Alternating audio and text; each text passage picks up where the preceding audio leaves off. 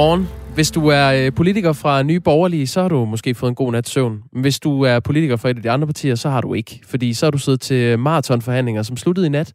Genåbningen er en realitet. Den seneste genåbning.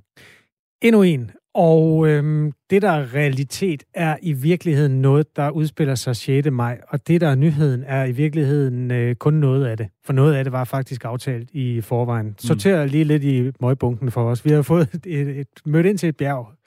Ja, hvis du har set den gule bjælke om, at den omstridte 30 minutters regel, altså om booking øh, på bar og restauranter, øh, udfases, så øh, er den ikke så breaking, som den øh, måske udgiver sig for at være. Det er nemlig fuldstændig som planlagt, at den her plan den går i graven den 6. Så øh, hvis du skal på værtshus i dag, så ringer du lige 30 minutter før, eller 31, øh, til kældneren, som du plejer, og bestiller et bord. Ja.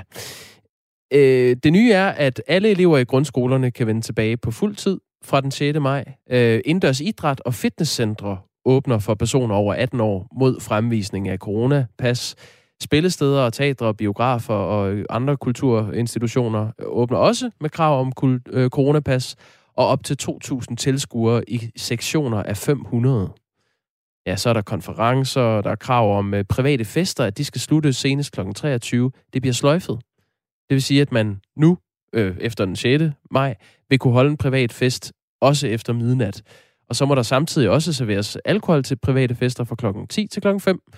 Og så bliver forsamlingsloftet hævet til 25 indendørs og 75 udendørs. Tingene tårner sig op i en bunke der. Hvis jeg skal vurdere, hvilken der har betydning for flest mennesker, så vil jeg nok pege på den med skolebørnene. Det kan godt være, at jeg er biased der, for jeg er far til øh, tre, hvor jeg et går i folkeskolen. Men det er øh, nogle mennesker, der virkelig har hængt i bremsen. Mm.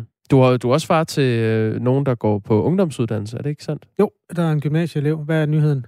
21. maj øh, kan man forvente, at ungdomsuddannelseselever kan vende tilbage på fuld tid. Og elever på videregående uddannelser kan komme tilbage på halv tid. Alt det her skal vi nok rydde op i for dig her til morgen og i morgens løb. Vi vil jo gerne øh, hente nogle reaktioner fra mennesker, der har noget på spil. Og du kunne jo givetvis også være et af dem, du der hører Radio 4 morgen. Altså for eksempel nyheden om, at øh, skolebørnene skal tilbage igen. Og vi skal lige sige, der er jo altså stadig sovne, der er lukket ned hist og pist. Hjernesov i Esbjerg, og de har problemer nogle steder i Bilund også. Men generelt er der altså øh, virkelig lys for enden af tunnelen, som genåbningswise i Danmark. Skolebørn tilbage på øh, skolebænken, eller stolene, det er øh, en af de store nyheder, du gerne må reagere på i sms'en, hvis du har lyst. Vi kommer også omkring øh, godt nyt i forhold til øh, sædforskning. Øhm, så kommer vi omkring dårligt nyt i forhold til kræftpatienter. Øh, kræftpatienter er jo blandt dem, der har stået allerførst i vaccinekøen af åbenlyse årsager. Men nu viser forløbige resultater af en undersøgelse på øh, Syddansk øh, Universitetshospital, at op mod en tredjedel af kræftpatienterne ikke udvikler antistoffer, selvom de er fuldt vaccineret. Det er en ubehagelig historie, vi fortæller mere om kvart i syv. I forhold til vaccinerne er der også en nyhed, som for nogle er god, og for andre måske er ligegyldig, men der er åbnet for en fritvalgsordning på de vacciner, der nu er valgt fra. Altså Johnson Johnson og AstraZeneca, som i øh, større eller mindre grad er pillet ud af det danske vaccinationsprogram, vil kunne øh, tages på frivillig basis. Øhm, den vinkel skal vi også øh, ombord i her i Radio 4 morgen, simpelthen for at finde ud af, hvilke dilemmaer, der kan være i det, og hvilke sundhedsmæssige øh, overvejelser, man skal gøre sig. Det er jo altså noget, der kommer helt tæt på mange menneskers liv, at man kan vælge nu at gå ned, og, eller ikke lige nu, men det kommer i hvert fald inden længe, vælge at gå ned til sin praktiserende læge og få et stik med en af de vacciner, der ikke længere indgår i det store obligatoriske vaccineprogram.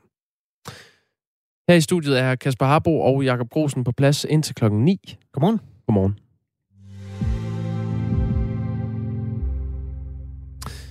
Der er for mange krav til jobbet som øh, folkeskolelærer, og derfor vælger mange læreruddannede at finde job andre steder. Øh, faktisk er det 26.000 folkeskoleuddannede øh, øh lærere, øh, altså lærere, som er klar til at undervise i folkeskolen, som har valgt andre jobs end at undervise i folkeskolen. Det var en historie, vi var ombord i i går, og nu har vi endnu et stik i den.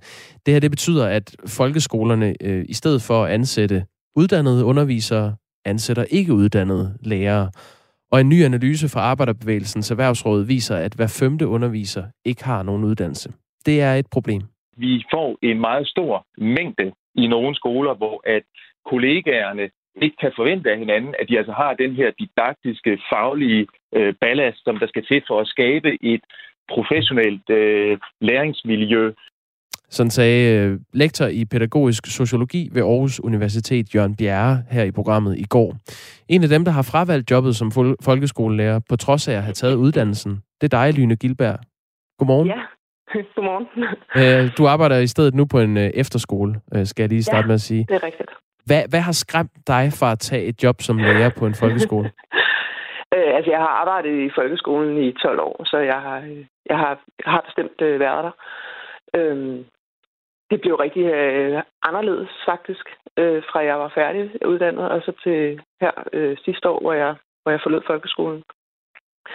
Øh, man skulle arbejde, øh, altså man skulle have mange, læse mange flere øh, undervisningstimer, som gør, at man havde noget mindre tid til at forberede de flere timer, som man skulle undervise i, blandt andet.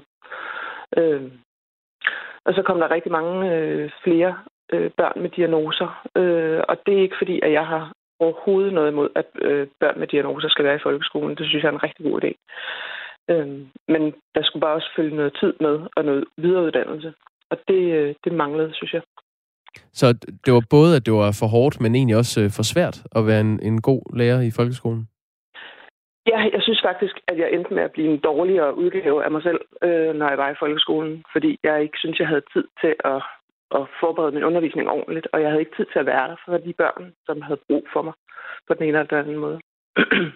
Noget af det, der har haft betydning for, at, øh, at det kan have været øh, blevet hårdere at, at være folkeskolelærer, øh, det er jo inklusionsloven fra 2012 yeah. for eksempel, og to år senere i 2014 kom skolereformen. De betød begge to, at lærere skulle fagne bredere, både i forhold til mm. elever, men også i forhold til, til den faglighed, man, man har. Hvad ja. er det for nogle konkrete krav, du som folkeskolelærer er blevet mødt med, som du har haft svært ved at leve op til? Og jeg synes, det er svært ligesom at komme med sådan konkrete ting, men, men man, når man har flere elever i sin klasse med, med diagnoser, også diagnoser, som måske sådan clasher lidt med hinanden. Man kunne både have en autist og et par med ADHD, for eksempel. Det, de kan godt have rigtig svært ved at være sammen, fordi øh, autister har brug for sådan virkelig øh, ro og klare rammer og vide, hvad der skal ske. Det har børn med ADHD sådan set også, men de kan bare have altså være sådan meget udadreagerende, for eksempel. Øh, og nu sætter jeg sådan nogle virkelig øh, skarpe rammer op for de her børn, men øh, altså, alle børn er forskellige. Også alle børn med ADHD og autisme, så det er jo selvfølgelig meget, meget forskelligt fra barn til barn. Øh, jeg har bare haft nogle oplevelser, hvor jeg synes, at det ikke passede ret godt sammen. At man både havde et barn med autisme og et med ADHD i den samme klasse, og faktisk ret dårlige muligheder for sådan at, at rammesæt for dem hver især. Øh, man var meget ofte alene. Det er man jo som lærer. Øh, men man havde altså også lige øh, 25 andre børn, som man skulle tage sig af, og som jo heller ikke øh, bare kan sidde selv og, og, og passe sig selv. Men det er tit, at man var blevet nødt til at gå ud efter det ene barn, som var gået i frustration, for eksempel fra klassen. Og så sidder resten jo altså helt alene. Og det, det havde det virkelig dårligt med. Altså nu, nu spørger jeg lidt, uh, lidt åbent og lidt dumt, måske, mm. Lyne Gilberg, men det er simpelthen, fordi jeg ikke ved det. Er det, uh, er det normal praksis, at man kan stå alene som lærer i en folkeskole med 25 elever, hvor der er en elev, som er... Uh, har autismeforstyrrelser, og en elev, der har ADHD? Ja, det er ganske normalt, vil jeg sige. Nå, det virker vildt. Øh, hvordan adskiller dit job sig på den efterskole, du nu er ansat på, i forhold til det job, du havde i folkeskolen? Jeg synes, jeg har meget bedre tid, øhm, både til at være sammen med eleverne og danne relationer, som jeg synes er noget af det allervigtigste som lærer. Øhm, det, det manglede jeg simpelthen til sidst i folkeskolen. Øh, den der tid til at sådan kunne sætte mig med eleverne og være der i virkeligheden. øhm, og så har jeg også lidt bedre tid til, at, til min forberedelse. Jeg har en bedre, det der hedder forberedelsesfaktor. Altså at jeg får mere tid per lektion, jeg skal forberede til at sætte mig ned og forberede den og også efter evaluere min undervisning. Ret stile for eksempel og sådan noget.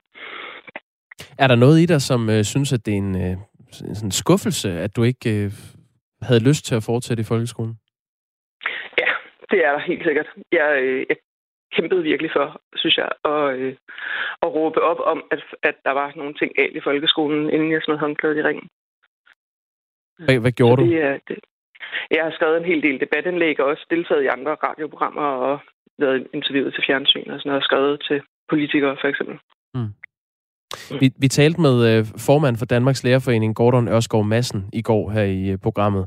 Øh, foreningen vil gøre det, øh, ja, man vil gøre mere for at, øh, at gøre jobbet som folkeskolelærer attraktivt. Blandt andet er der lavet en ny øh, arbejdstidsaftale, som betyder, at lærerne får mere indflydelse på prioriteringen og tilrettelæggelsen af arbejdstiden.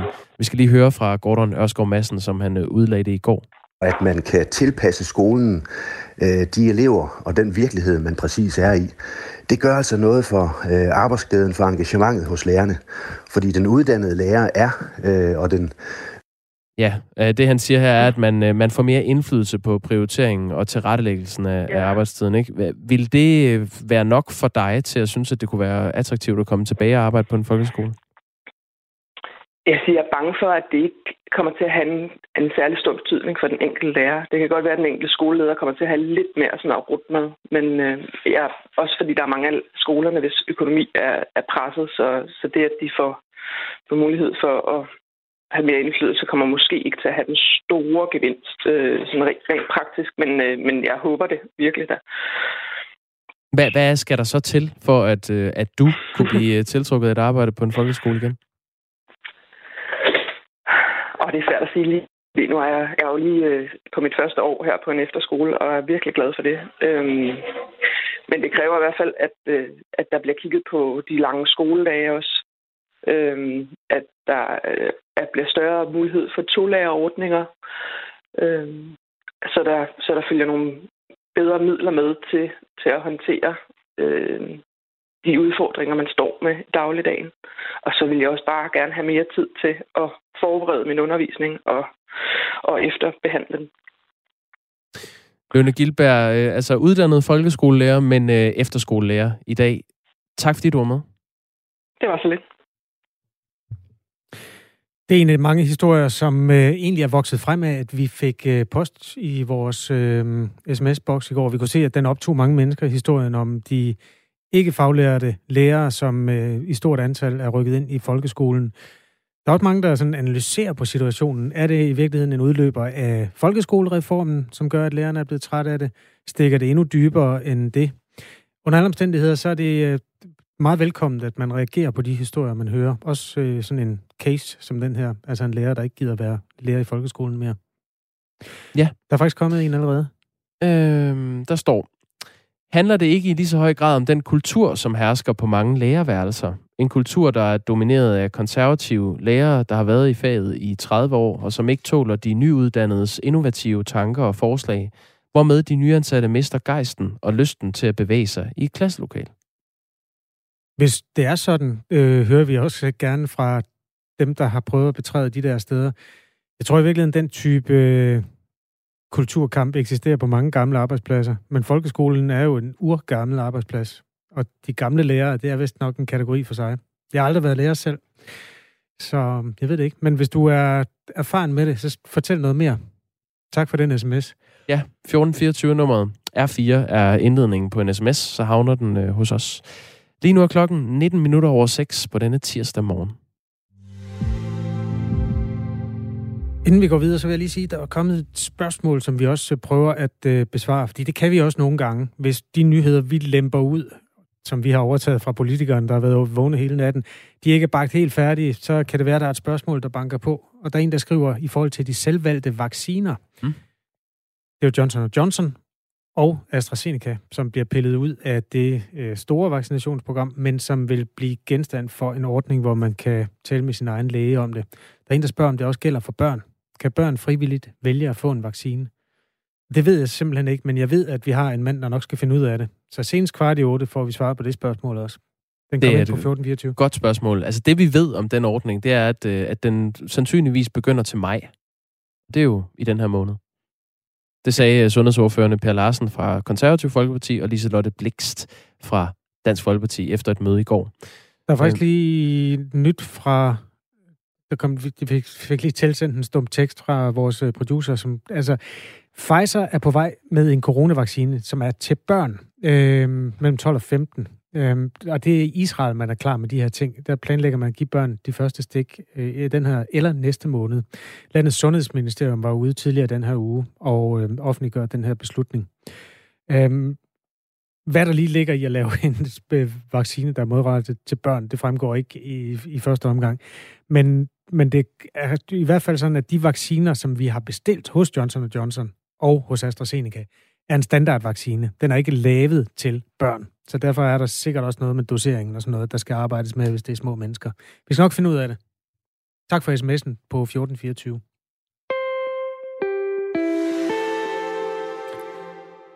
Forskere fra Rigshospitalet og Harvard University har som de første i verden bevist, at et lægemiddel mod knogleskørhed også øger antallet af sædceller hos mænd, som har lav sædkvalitet.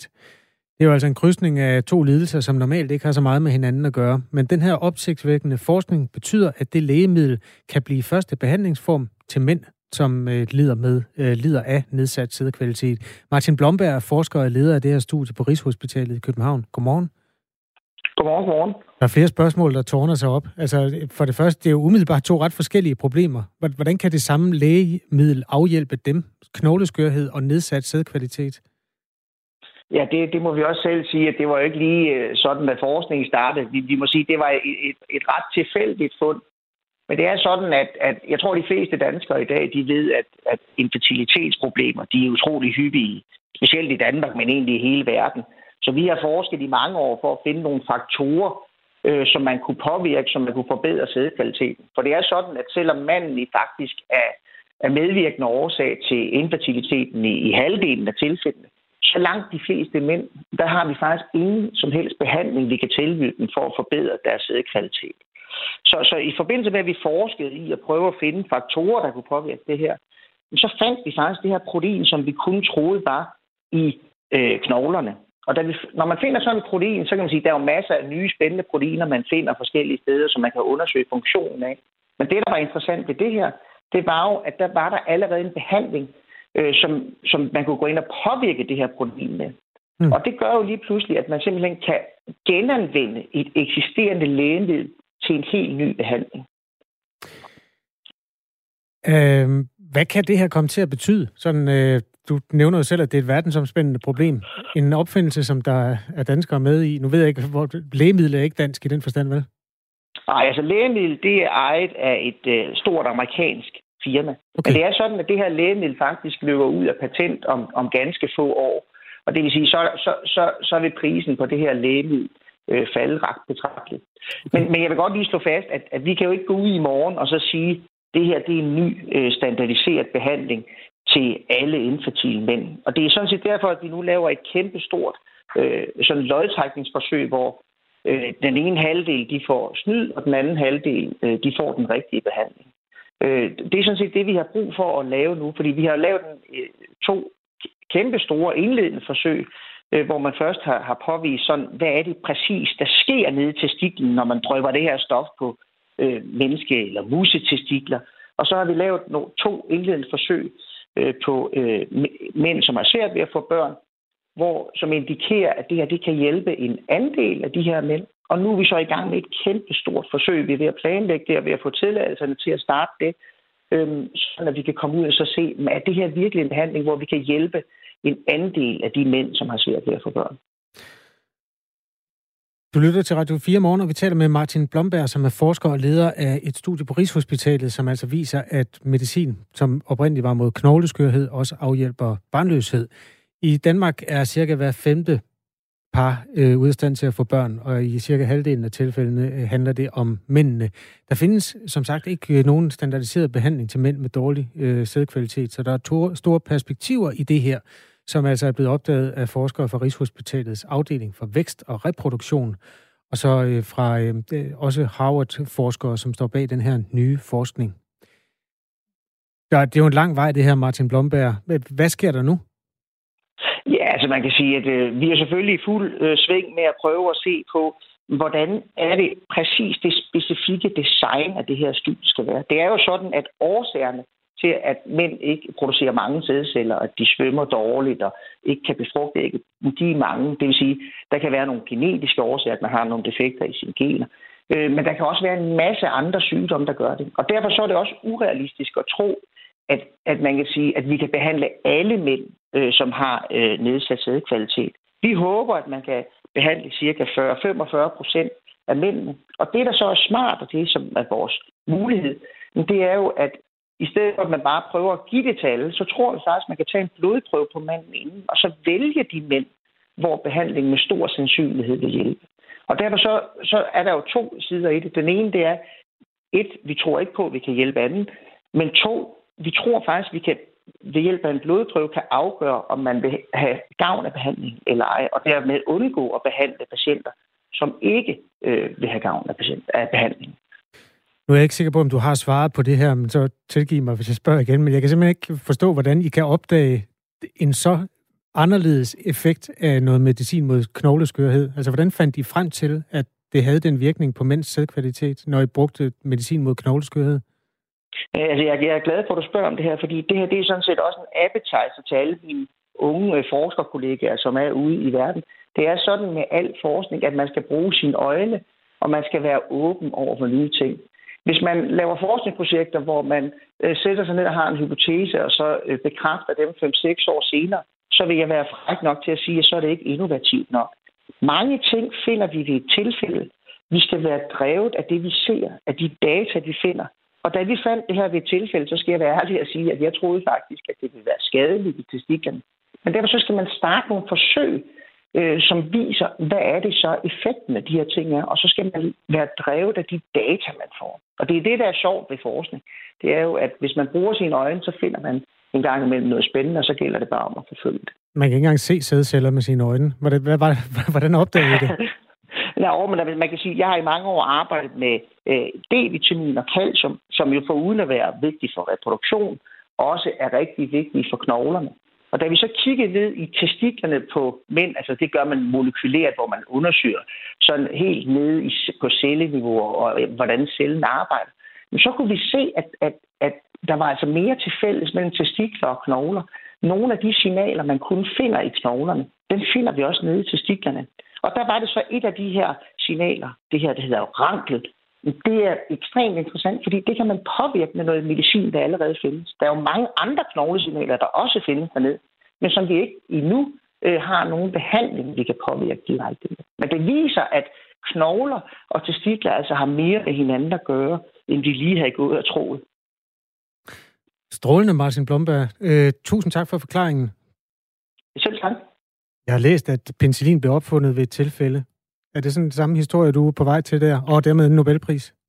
Ja, jeg vil sige, jeg vil sige penicillin øh, redder lidt flere menneskeliv, end det gør at forbedre øh, sædekvalitet. Men der er der ingen tvivl om, at vi synes, at det er en sjov ting, og, og analogien til, at, at, at man fandt noget ved et tilfælde, den, den, den godtager jeg. Men jeg vil sige, jeg tror, at man skal sige, at det her fund, det må vi vente og se effekterne af. Men du kan jo invitere mig ind om, om to år, når vi håber at have afsluttet det store forsøg, og så håber, at vi har udviklet en mere øh, standardiseret behandling til en anden del af de infertile mænd. 4. maj 2023. Vi ses, Martin Blomberg. Det er godt. Godt. Hej igen. Forsker Hej. og leder af det her studie på Rigshospitalet, som altså påviser overlap i øh, virkningen på to ret forskellige lidelser, nemlig barnløshed, øh, lav sædkvalitet hos mænd, og så øh, knogleskørhed. Ja.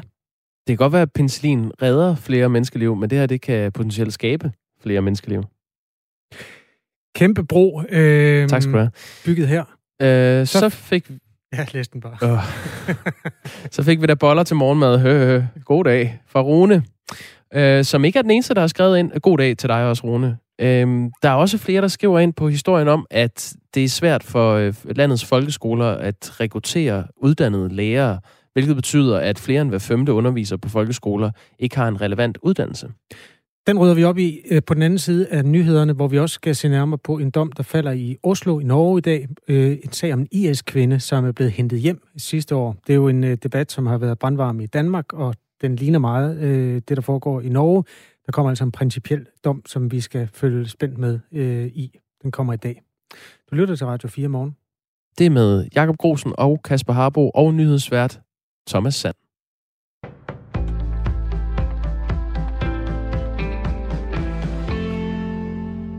Efter ni timers forhandlinger er regeringen og Folketingets partier på nær nye borgerlige i nat blevet enige om en aftale om en yderligere genåbning af Danmark. Smittetallene er gode, indlæggelsestallene er lave, og det giver rum til en øh, selvfølgelig ansvarlig, men også betragtelig øh, genåbning. Og det er jo det, vi arbejder for, at få samfundet åbnet så meget som muligt, og samtidig holde vores øh, epidemi under kontrol siger sundhedsminister Magnus Heunicke. Med aftalen kan alle folkeskoleelever fra på torsdag komme tilbage i skole på fuld tid. Ungdomsuddannelser vil kunne byde elever indenfor på fuld tid fra 21. maj.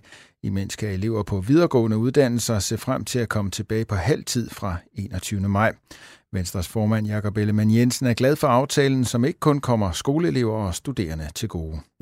Så åbner vi for øh, også øh, indendørsidrætten for øh, voksne mennesker, øh, sådan så vi også kan få, få brændt noget fedt af, herunder øh, for, øh, for fitnesscentrene, øh, og det sker også fra, fra nu.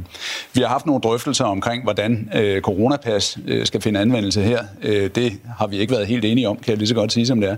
Øh, men øh, er, er enige om, at nu åbner øh, fitnesscentrene, desværre med et krav om, øh, om coronapas, som, som giver noget bøvl, men til gengæld med muligheden for at komme ind og straffe noget jern.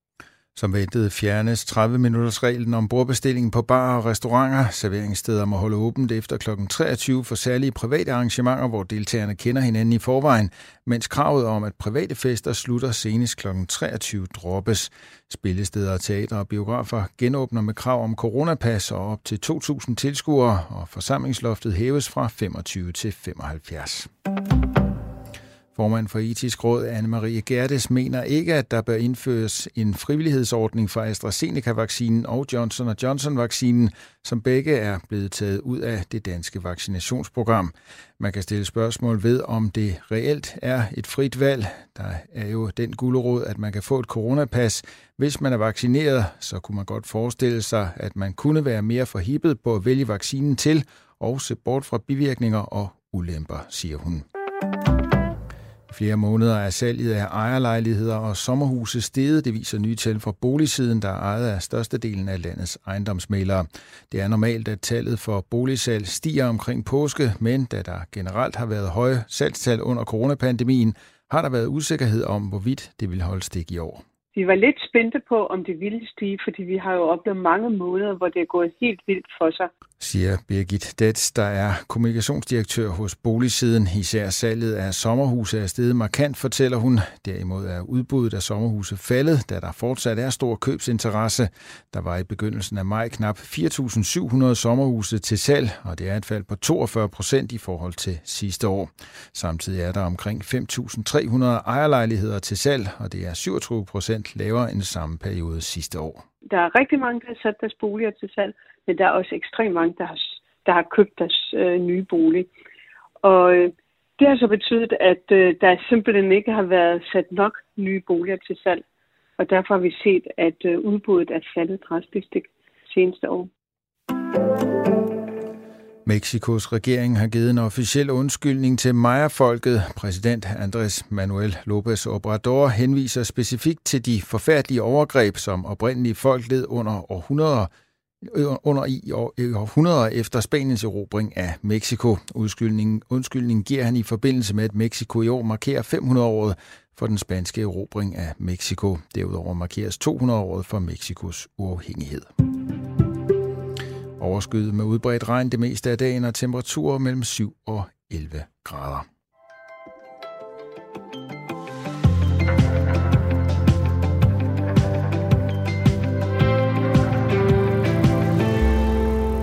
Godmorgen. Godmorgen. Her kommer nogle sms'er, vi har fået i kølvandet på øh, det interview, vi lavede med øh, Lønne Gilberg, som i dag er efterskolelærer, men egentlig er uddannet folkeskolelærer. Hun har fravalgt at arbejde i folkeskolen, fordi, øh, ja, både fordi det var for hårdt og for, for svært. Øhm, vi har fået sms'er. Som lærervikar har jeg aldrig oplevet de såkaldte gamle lærere. De fandtes kun i min barndom. I øvrigt er jeg ikke uddannet lærervikar, og oplever, at jeg selv, om jeg er god til at lære fra mig, så er min største opgave for børnene til at holde af at gå i skole, mens de faste lærers hovedopgave er at give dem kundskab. Jeg opmuntrer dem. Jeg er således den flødeskumskage, de får en gang imellem, mens den uddannede lærer er rugbrødet. Begge dele er vigtige. Blot skal der være en klar overvægt af rugbrød. Jeg er blot det friske pust, som giver børnene liv. Slutter øh, Arne, som er lærervikar på 12 år.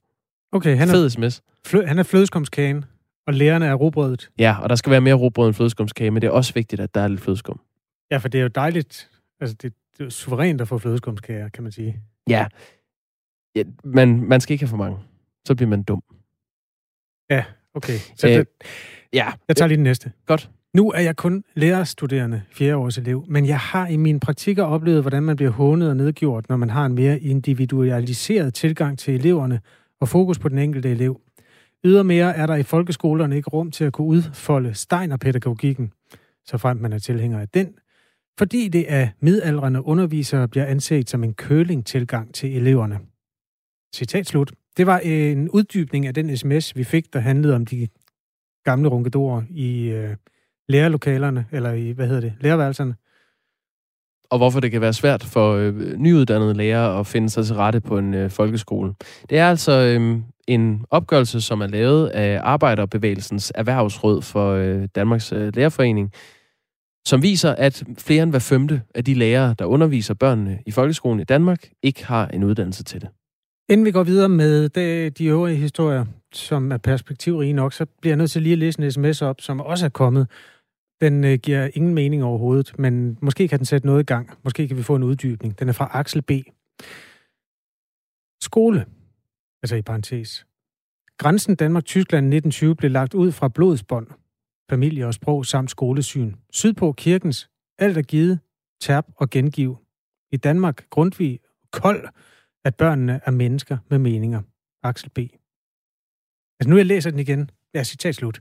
Nu jeg læser den igen, tænker jeg, at det handler om en dansk skolemodel. En, en sådan øh, åndslig tilgang til børnene, som åbenbart er mere liberal øh, nord for den dansk-tyske grænse end syd for. Sådan læser jeg det. Okay, jamen øh, spændende. Altid Jeg læser den spændende op igen, en og så- så Jeg prøver det igen. Prøv det igen. Skole. Grænsen Danmark-Tyskland 1920 blev lagt ud fra blodsbånd, familie og sprog samt skolesyn. Sydpå kirkens, alt er givet, terp og gengiv. I Danmark, Grundtvig, kold, at børn er mennesker med meninger. Ja, okay. Nu ser jeg det også. Altså sydfor, der er det kirken, det er det der gamle, øh, hvor, hvor kirken var den alt dominerende magt, og man skulle sådan set bare øh, holde sin kæft og gentage bønderne. Nordfor, at vi er tænkende væsener, oven på skuldrene af Grundtvig. og kristen kold.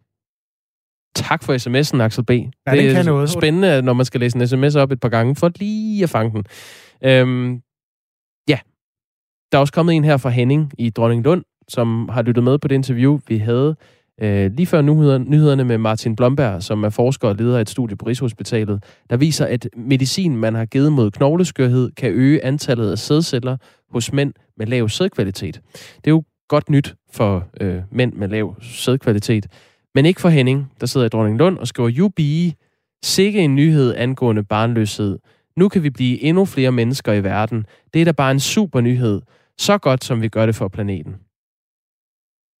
Åh, oh, det er godt, du vil redde planeten, Henning. Tak skal du have for det. Øhm, vær opmærksom på, at øh, hvis det Danmark, du godt kan lide, skal køre videre, skal øh, man også have en forplantningsrate omkring en. Så tak for sms'en. 1424 skal man skrive til. Start med R4 og et mellemrum. Og 6.39 er klokken. I Norge falder i dag, i dag dom i sagen om en kvinde, som sidste år blev hentet hjem fra en lejr i Syrien. Hun er tiltalt for at kæmpe for islamisk stat. Hun blev hentet hjem sammen med sine børn til Skandinavien, da et af børnene blev alvorligt sygt, og derfor venter man nu i stor spænding på dommen.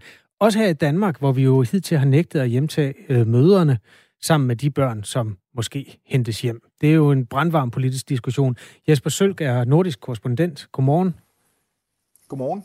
Sæt os lige ind i de, de diskussioner, som den giver i Norge. De danske kender vi efterhånden. Ligner det, den norske diskussion, er det de samme fløje, der står over for hinanden der? Ja, man kan sige, at den konkrete øh, sag her med den øh, i dag 30-årige kvinde, som øh, nu får sin øh, dom, det var faktisk, da, da Norge besluttede at hente hende hjem sammen med sine to børn, så gjorde det, at øh, den norske regering blev splittet op. Øh, Fremskridspartiet valgte simpelthen at træde ud af regeringen, trække sin minister, fordi de var så uenige i beslutningen om at hente hende hjem. Anna Solberg, statsministeren, hun, øh, hun sagde dog, at øh, jamen, altså, hvad er vores alternativ i virkeligheden? Altså vi ser på en øh, norsk, norsk statsborger, det var mest den ældste dreng, som var så alvorligt syg, at han ifølge myndighederne risikerede at at dø øh, dernede, og så valgte de så at tage både moren og, og børnene hjem, og det var så første gang, at øh, man så den norske regering tage, tage både en mor og, og børnene hjem, som jo er den diskussion, vi også har i, i Danmark. Så det er i hvert fald i høj grad en, øh, en diskussion, som har været her i, i Norge, også derfor, der har været så stor interesse for hele retssagen, og også hvad der kommer til at ske, når, når dommeren afsiger sin dom her senere i dag. Kvinden er 30 år, som sagt, af Jesper Sølkær. Øh, hun er født i Pakistan, vokset op i Norge og blev for et år siden hentet hjælp fra den berygtede Al-Hol-lejr i Syrien. Og så blev hun anholdt, da hun landede i Østrig. I øjeblikket sidder 19 børn med dansk tilknytning i syriske fangelejre og tilhørende møder. Det er derfor, vi også interesserer os for denne her sag. Det er der også mange danske politikere, der gør. Øh, forhistorien for den her kvinde, Jesper Sølk, øh, hvordan blev hun jihadist eller øh, forbundet med dem? Ja, altså hun er faktisk øh, øh sådan, mens hun vokser op, øh, teenageårene, der er hun øh, sådan en fodboldpige. Hun har en øh, Manchester United-pude på sit værelse. Hun øh, går rigtig meget op i IT. Hun læser IT. Hun bliver beskrevet som en, en dygtig øh, student. Men på et tidspunkt øh, kommer hun også sådan uoverens med sine forældre. Hun bliver blandt andet lovet væk til en øh, fætter i, i Pakistan. Hun forsøger så at, at undgå at blive blive det, som hun betragter som, som tvangsgift. Øh, hun, hun bønfælder forældrene, hun begraver sig i, i studier, hun forsøger at få det her bryllup udskydt. Og så i den her proces, så møder hun en, øh, en norsk-chilensk konvertit, sådan lidt af en vildbasse, der hedder Bastian Vasquez, øh, som, som så ender med at rejse ned og kæmpe for Al-Nusra-fronten mod Assad-styret. Altså ikke IS til at starte med, men, men en anden øh, islamistisk gruppering, Al-Nusra-fronten. Og øh, de to øh, når at mødes et par gange, inden han tager afsted, så bliver de giftet, øh, gift øh, over Skype, og øh, hun øh, vælger så at rejse ned, og hun bliver lovet, at hun kommer ned til en villa og et, et svømmebassin ved fronten, men da hun så kommer der ned, ifølge hendes egen forklaring, indser hun ret hurtigt, at det er en helt anden virkelighed, hun kommer ned til. Det er, det er slag, det er kvælertag, øh, det er voldtægter af, af ægtemanden, og, og, og hun bliver straffet for altså selv de mindste ting, øh, for lidt øh, salt på, på kyllingen, øh, har hun beskrevet i, i retten. Og, og det hun siger, det er, at hun allerede efter nogle få måneder i Syrien fortryder og forsøger at komme hjem, men det ikke kan lade sig gøre, fordi at IS-regimet, som, øh, som Bastian Vasquez her senere øh, sværger truskab til. Han går over og kæmper for dem i stedet for. De, de tillader ikke kvinder at, at agere på egen hånd. Hun er faktisk som, som en fange i sit eget hjem øh, dernede. Så, så det er sådan øh, historien om, hvordan hun, hun til at starte med er lidt naiv. Hun er dybt forelsket, forklarer hun i, i Bastian Vasquez der, men da hun så kommer derned, så fortryder hun hurtigt og vil gerne hjem. Det lykkes så ikke før at øh, mange år efter, hvor IS ikke er der mere. Hvis en dansk politiker øh, hos øh, et eller andet sted på, i Blå Blok hørte den historie, og også et enkelt parti i Rød Blok hørte den historie, så vil man sige, jamen hun har jo vendt, øh, ikke Danmark, men det her tilfælde Norge ryggen, øh, og der er ikke nogen fortrydelsesret på den slags. Altså, hvad er forsvaret for en kvinde, der i den grad stempler ind i øh, noget antivestligt? Jamen, der er to ting øh, her, som, som forsvaret især slår på. Det ene, det er en lille smule datoteknisk. Øh, det, de siger, det er, at øh, hun vidste godt, hvad, hvad Bastian Vasquez, altså ham øh, fremmedkrigeren, gjorde nede i Syrien. Han var en del af krigshandlinger. Han viste også videoer, hvordan han plantede vejbomber til hende og, og beskrev nogle af de krigshandlinger. Så hun vidste godt, at det ikke var fred og fordragelighed, hun tog ned til. Men den gruppe, som han tilhørte, Al-Nusra-fronten, var endnu ikke på den internationale terrorliste, da hun tager ned. Det sker faktisk først et par måneder efter. Øh, hun kan heller ikke, da hun tager ned, siger forsvaret, øh, vide, at manden senere kommer til at gå over til islamisk øh, stat, som på det tidspunkt øh, jo bliver den, den helt store fjende for, for, for hele for hele verdenssamfundet i virkeligheden. Så der er noget datoteknisk, altså når hun rejser ned, tilslutter hun sig så i virkeligheden en, en terrororganisation. Måske. Det er det, som retten skal afgøre. Øhm, og så er der øh, den anden del, som, som i virkeligheden forsvaret påstår, at hun bliver behandlet som en IS-slave. Altså at hun ikke har nogen fri vilje, hun ønsker at rejse hjem, men det kan hun ikke, fordi hun har underlagt sin mands vilje. Da Bastian Vaske så øh, dør i 2015, det gør han, fordi der er en bombe, der eksploderer på den bombefabrik, hvor han, er, hvor han arbejder, så bliver hun øh, nærmest tvangsgift videre til en anden IS-kriger. Øh, mod hendes øh, vilje, men hun har ikke noget valg, fordi hvis hun vil forsøge at komme ud af landet, jamen så har hun brug for en, en mand til at hjælpe sig. Det kommer ikke til at, at virke. Øh, hun bliver øh, gift først med, med den her mand. Da han så dør, så bliver hun gift videre til en, en tredje. Men forsvaret påstår, at, at hun bliver behandlet lidt som en, en menneskeslave øh, dernede, og at derfor skal hun frifindes, fordi hun sådan set i, i mange år er der mod sin vilje. Så vidt moren, og det er jo meget interessante øh, perspektiver, øh, også for øh, set med danske øjne. Hvad med børnene? Altså, øh, hvis hun bliver dømt, hvad, hvem, hvem bliver der af dem? At det er faktisk en lille smule øh, usikkert. Altså, de bliver taget, øh, taget fra hende, så at sige. Øh, de bliver taget i statens varetægt, da hun lander i Norge, hvor hun jo bliver anholdt med det øh, samme, øh, og, og er nu i, i, i noget familiepleje øh, i den ene eller anden format. Vi ved faktisk ikke, om hun har set øh, børnene, siden hun, øh, hun kom til, til Norge, om hun har haft mulighed for det, eller hun blot har siddet øh, indespærret. Men, men det, som øh, der jo er lidt interessant, det er, at umiddelbart så er straframmen for det, som hun står anklaget for, det er seks år her i Norge. Så får hun formentlig noget rabat, fordi hun har samarbejdet rigtig meget med de norske myndigheder, med politiet, i forhold til de oplysninger om andre norske fremmedkrigere, andre norske statsborgere, der har været øh, dernede. Så står hun måske til, til fire år øh, maksimalt. Det er det, som anklagemyndigheden går, går efter. Vil det være nok til, at hun så ikke kan blive... Øh, komme tilbage og være, være mor, være væve for sine egne børn. Det bliver en diskussion, som kommer til at, tage at være øh, efterfølgende, som, som nok også bliver interessant, fordi den jo også åbner nogle perspektiver i forhold til, hvordan vi ser på det i, i Danmark og i øvrigt også en række andre lande. Vi skal nok fortælle mere om den historie, når der øh, foreligger en dom. Tak fordi du var med, Jesper Sølk. Det var så lidt. Nordisk korrespondent, som altså satte øh, lys på den her historie. Der falder dom senere i dag i øh, Oslo, og vi følger selvfølgelig sagen i nyhederne her på Radio 4, og har også perspektiver på den i morgen. Øh, John stempler ind med et øh, populært kulturelt, øh, en anbefaling egentlig. Han skriver, vedrørende konen i Syrien, se serien Kalifat på Netflix. Fantastisk aktuelt. John. Altid godt med øh, anbefalinger. Jeg tror, det er en svensk serie. Kalifat? Ja. Okay, jeg har ikke set den. Har du set den? Nej. Men det kan være, jeg skal gøre det. SMS'er på 1424. Er der mere, vi skal tage, inden vi skal... Ja, øh, jeg synes, vi skylder at læse øh, part 2 fra Henning, der sidder i Dronninglund, op. Øh, han har skrevet ind, fordi vi læste hans... Øh... Ej, ved du jeg læser begge beskeder op. Jeg læste før denne besked op. Jubi, sikke en nyhed angående barnløshed. Nu kan vi blive endnu flere mennesker i verden. Det er da bare en super nyhed. Så godt, som vi gør det for planeten, skrev Henning. Nu skriver han så ind igen, Tak fordi I læste min sms op. Øh, min pointe er som end blot, at de miljømæssige problemer, vi står øh, med, vel i høj grad skyldes den voksende population i verden, med deraf øgende ressourceforbrug. Er I uenige i det? Øhm, jeg er uenig i, at man kan gøre det op på den måde, når nu jeg bliver spurgt direkte. Normalt holder jeg min kæft med, hvad jeg mener, men nu siger jeg det simpelthen. Du kan ikke planlægge verden helt ovenfra altid. Det, det er for eksempel derfor, at man har taget nogle vacciner ud, selvom det kun er en ud af 40.000, der får en blodprop. Set helt ovenfra, så ville det være genialt at bare vaccinere, vaccinere hele bundet. Men vi har nogle hensyn til de enkelte. Herunder også retten til at, at få de børn, som man går og ønsker sig. Planlægge et familieliv. Det har også noget med livskvalitet at gøre. Der er 10.000, øh, sådan, hvad skal man kalde dem, ikke vacciner, 10.000 nuancer, som man går glip af, hvis man bare tror, man kan tegne verden med en eneste blyant. Og det synes jeg, det er det, du gør, gamle Jas. Hvad var der ned? Henning i Dronninglund. Ja. Øhm, så kan det være, du også har et svar til Jan Klatrup, der så sidder i Lund. jo, jo, Nå, nu kommer. Okay. Vedrørende fødselsrate i Danmark, det var fordi, du sagde før, at øh, hvis man vil bevare det Danmark, øh, man kender og husker, så skal der også fødes nogle børn. Ja. Jan skriver, vågn nu op. Danmarks fødselstal og indbyggertal stiger og stiger. Det kan man se i statistikker og fremskrivninger. Det er simpelthen faktuelt forkert at hævde, at vi har brug for endnu flere børn.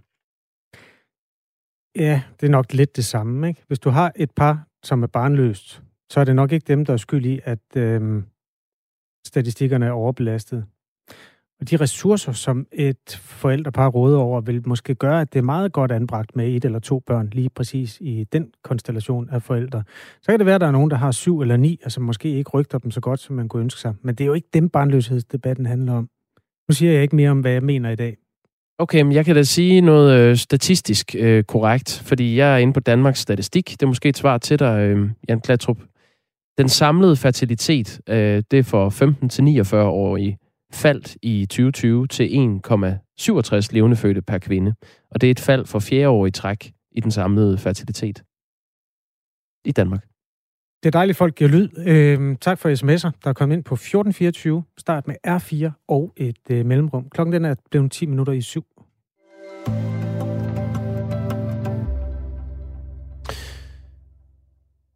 Ja, det kan være, Kasper, vi lige skal øh, vende den med øh, den historie, der er kommet frem, at det skal være øh, øh, frivilligt, om man ønsker at få AstraZeneca-vaccinen eller Johnson Johnson-vaccinen. Ja, tak. Det er jo sådan set et spørgsmål, vi godt kan lægge ud til, øh, øh, til dig, der lytter med. Om det, det er jeg lidt interesseret i. Er det noget, du kunne tænke dig? Altså, øh, nu er man politisk set blevet enige om, at øh, man ikke vil have øh, Johnson Johnson-vaccinen og AstraZeneca-vaccinen i vores vaccineplan. Øh, derfor er vaccineplanen blevet øh, udskudt med fire uger. Det vil sige, at de sidste danskere kan blive vaccineret nu i september. Det er gruppen, som jeg indgår i, der går op til 39 år. Men det skal være frivilligt, hvis man ønsker at få AstraZeneca eller Johnson Johnson-vaccinen. Er der stemning for det? Er det noget, du kunne tænke dig? Øh, kommer du til at sige, øh, den hapser jeg, og så kan blive vaccineret i lidt bedre tid? Det var altså B-stykket, eller B-siden til det pressemøde, hvor det i går blev offentliggjort, at Johnson Johnson bliver pillet ud af den helt store plan.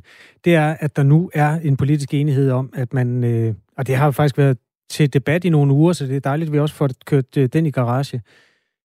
Øhm, tør du, og vil du, og i givet fald, hvilken af dem vil du tage? Forskellene på de to er jo, at øh, ja, Johnson Johnson har pt. et lidt bedre renommé end øh, Vax Cefria, som er den meget omtalte vaccine fra AstraZeneca.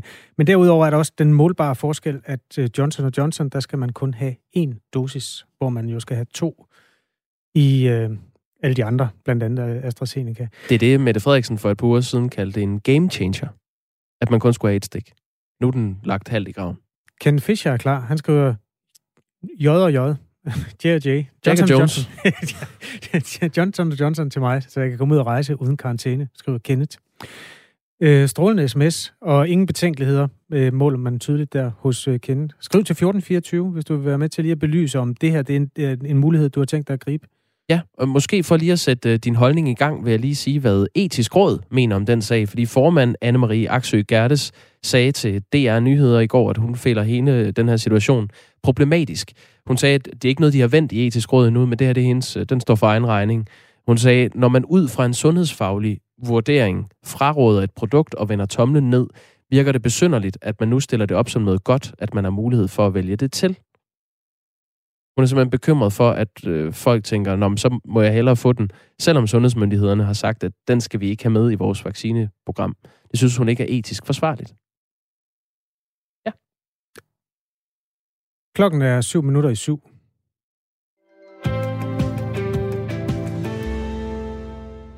Og vi bliver lidt ved vaccinerne. Øh, Forløbige resultater af en undersøgelse fra Odense Universitetshospital viser overraskende, at op mod en tredjedel af de kræftpatienter, der har fået begge vaccinedoser, ikke udvikler antistoffer.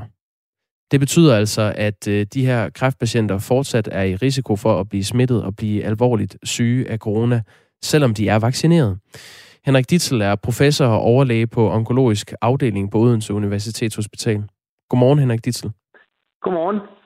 Den her undersøgelse er ikke færdig, men alligevel er I ude med den her øh, delkonklusion. Hvorfor går ja. I i medierne med den? Ja, det er altså, som sagt, så er vi kun i de indledende faser af studiet. Men øh, da resultaterne var så markante, kan sige, overraskende for os, øh, så tænkte vi, at vi måtte hellere øh, gøre kraftpatienter opmærksom på, at øh, der var en risiko for, at de ikke havde udviklet et ordentligt immunrespons, og, øh, og opfordre dem til at stadigvæk tage de forholdsregler, vi alle sammen har lært så grundigt efterhånden med afstand og afspritning og alle de andre ting.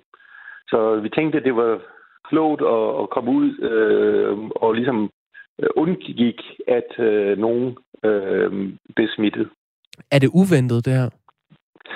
Det er ikke fuldstændig uventet. Vi ved fra øh, studier, der har blevet lavet med øh, influenzavaccinen, at øh, patienter med visse kraftformer og øh, visse kraftbehandlinger, øh, at de har nedsat immunrespons. Så det var ikke helt nyt, men kan man sige, det at, at øh, blive inficeret med influenza øh, som kraftpatient er ikke helt så slemt, som, som hvis man bliver inficeret med covid derfor er der kommet lidt mere fokus på det den her gang, tror jeg. Henrik Dissel, jeg kommer lige med lidt fakta om undersøgelsen. Øh, den omfatter øh, 550 kræftpatienter på øh, Odense Universitetshospital, hvor du arbejder. Blodprøver fra 53 patienter er blevet undersøgt. Heraf har 18 patienter ikke dannet de her målbare antistoffer. Og der er tale om patienter, som er i behandling med, med kemo, stråle eller immunterapi, og patienter med blodkræft. Øhm, nu spørger jeg dig med far for, at det er en lidt kompleks øh, forklaring. Hvorfor er det lige, at de her kræftpatienter ikke bliver immune over for corona, på trods af, at de er fuldt vaccineret? Ja, det er altså for dem med, med blodkræft, det kan være patienter med leukemi eller myelomatose, øh, der er, kan sige, øh, immuncellerne, det er nogle af dem, som der er ramt af kræften, og, øh, og der er så nedsat antal øh, af, af de her immunceller, og det betyder, at de ikke øh, fungerer så godt og derfor får vi ikke lavet et ordentligt antistofrespons eller et immunrespons i det hele taget. Øh, med hensyn til øh, øh, andre kraftformer, der kan det være behandlingen, altså kemoterapi, kan godt påvirke nogle immunceller, øh, og derved nedsætte deres funktion også der, og så får de heller ikke en ordentlig immunrespons. Så det er ved nogen, altså specielt de her blodkræft, er det egentlig sygdommen i sig selv, der gør det, og for nogle andre er det kunne sige, måske mere behandlingen, vi, vi retter mod kræften, øh, som også påvirker immuncellerne. Kan man forestille sig, at der er andre patientgrupper end kræftpatienter, hvor øh, noget lignende gør sig gældende? Ja, bestemt. Øh, man ved øh, allerede for igangværende undersøgelser, at øh, patienter, der er transplanteret, de får øh, kan man sige, øh, medicin, som undertrykker immunsystemet, fordi man ikke ønsker afstødning af et transplanteret organ. Og der har man også set øh, markant øh, øh, nedsat øh, respons på de her covid-vacciner. Det er jo sådan med det her vaccinationsprogram, at syge og svage og øh, ældre personer er nogle af dem, som er kommet allerførst i, øh, i køen af åbenlyse årsager. Er det noget, man skal revurdere med det her forløbige resultat af jeres undersøgelse? Nej, på ingen måde. På ingen måde. Øh, man skal stadigvæk selvfølgelig, øh, dem der er mest udsatte, skal have vaccinen først. Øh, men man skal bare være opmærksom på øh, den risiko, at øh, for nogen kan det være, at øh, vaccinen ikke virker. Øh, og så skal de bare tage de forholdsregler. Øh, det er meget svært at forudsige, øh, og det er derfor blandt andet, at vi har lavet det her studie for at se, om vi kan afdække, hvem er det specielt, som der ikke udvikler et ordentligt immunrespons. Øh, vi er tidligt, som sagt, i, i øh, undersøgelsen, men vi får inden for den næste måned øh, mange flere resultater, øh, som kan nok klarlægge, hvad er det for nogle behandlinger, der påvirker øh, immunsystemet, hvad er det for nogle øh, blodkræftformer, som er de øh, alvorligste for ikke at få et ordentligt immunrespons. Altså det, her, det er jo i forvejen mennesker, som er hårdt prøvet, øh, patienter med blodkræft, eller patienter, der er i behandling for, øh, for øh, anden kræftbehandling med kemo, eller stråle, eller øh, immunterapi. Hvad er udsigterne for dem øh, nu?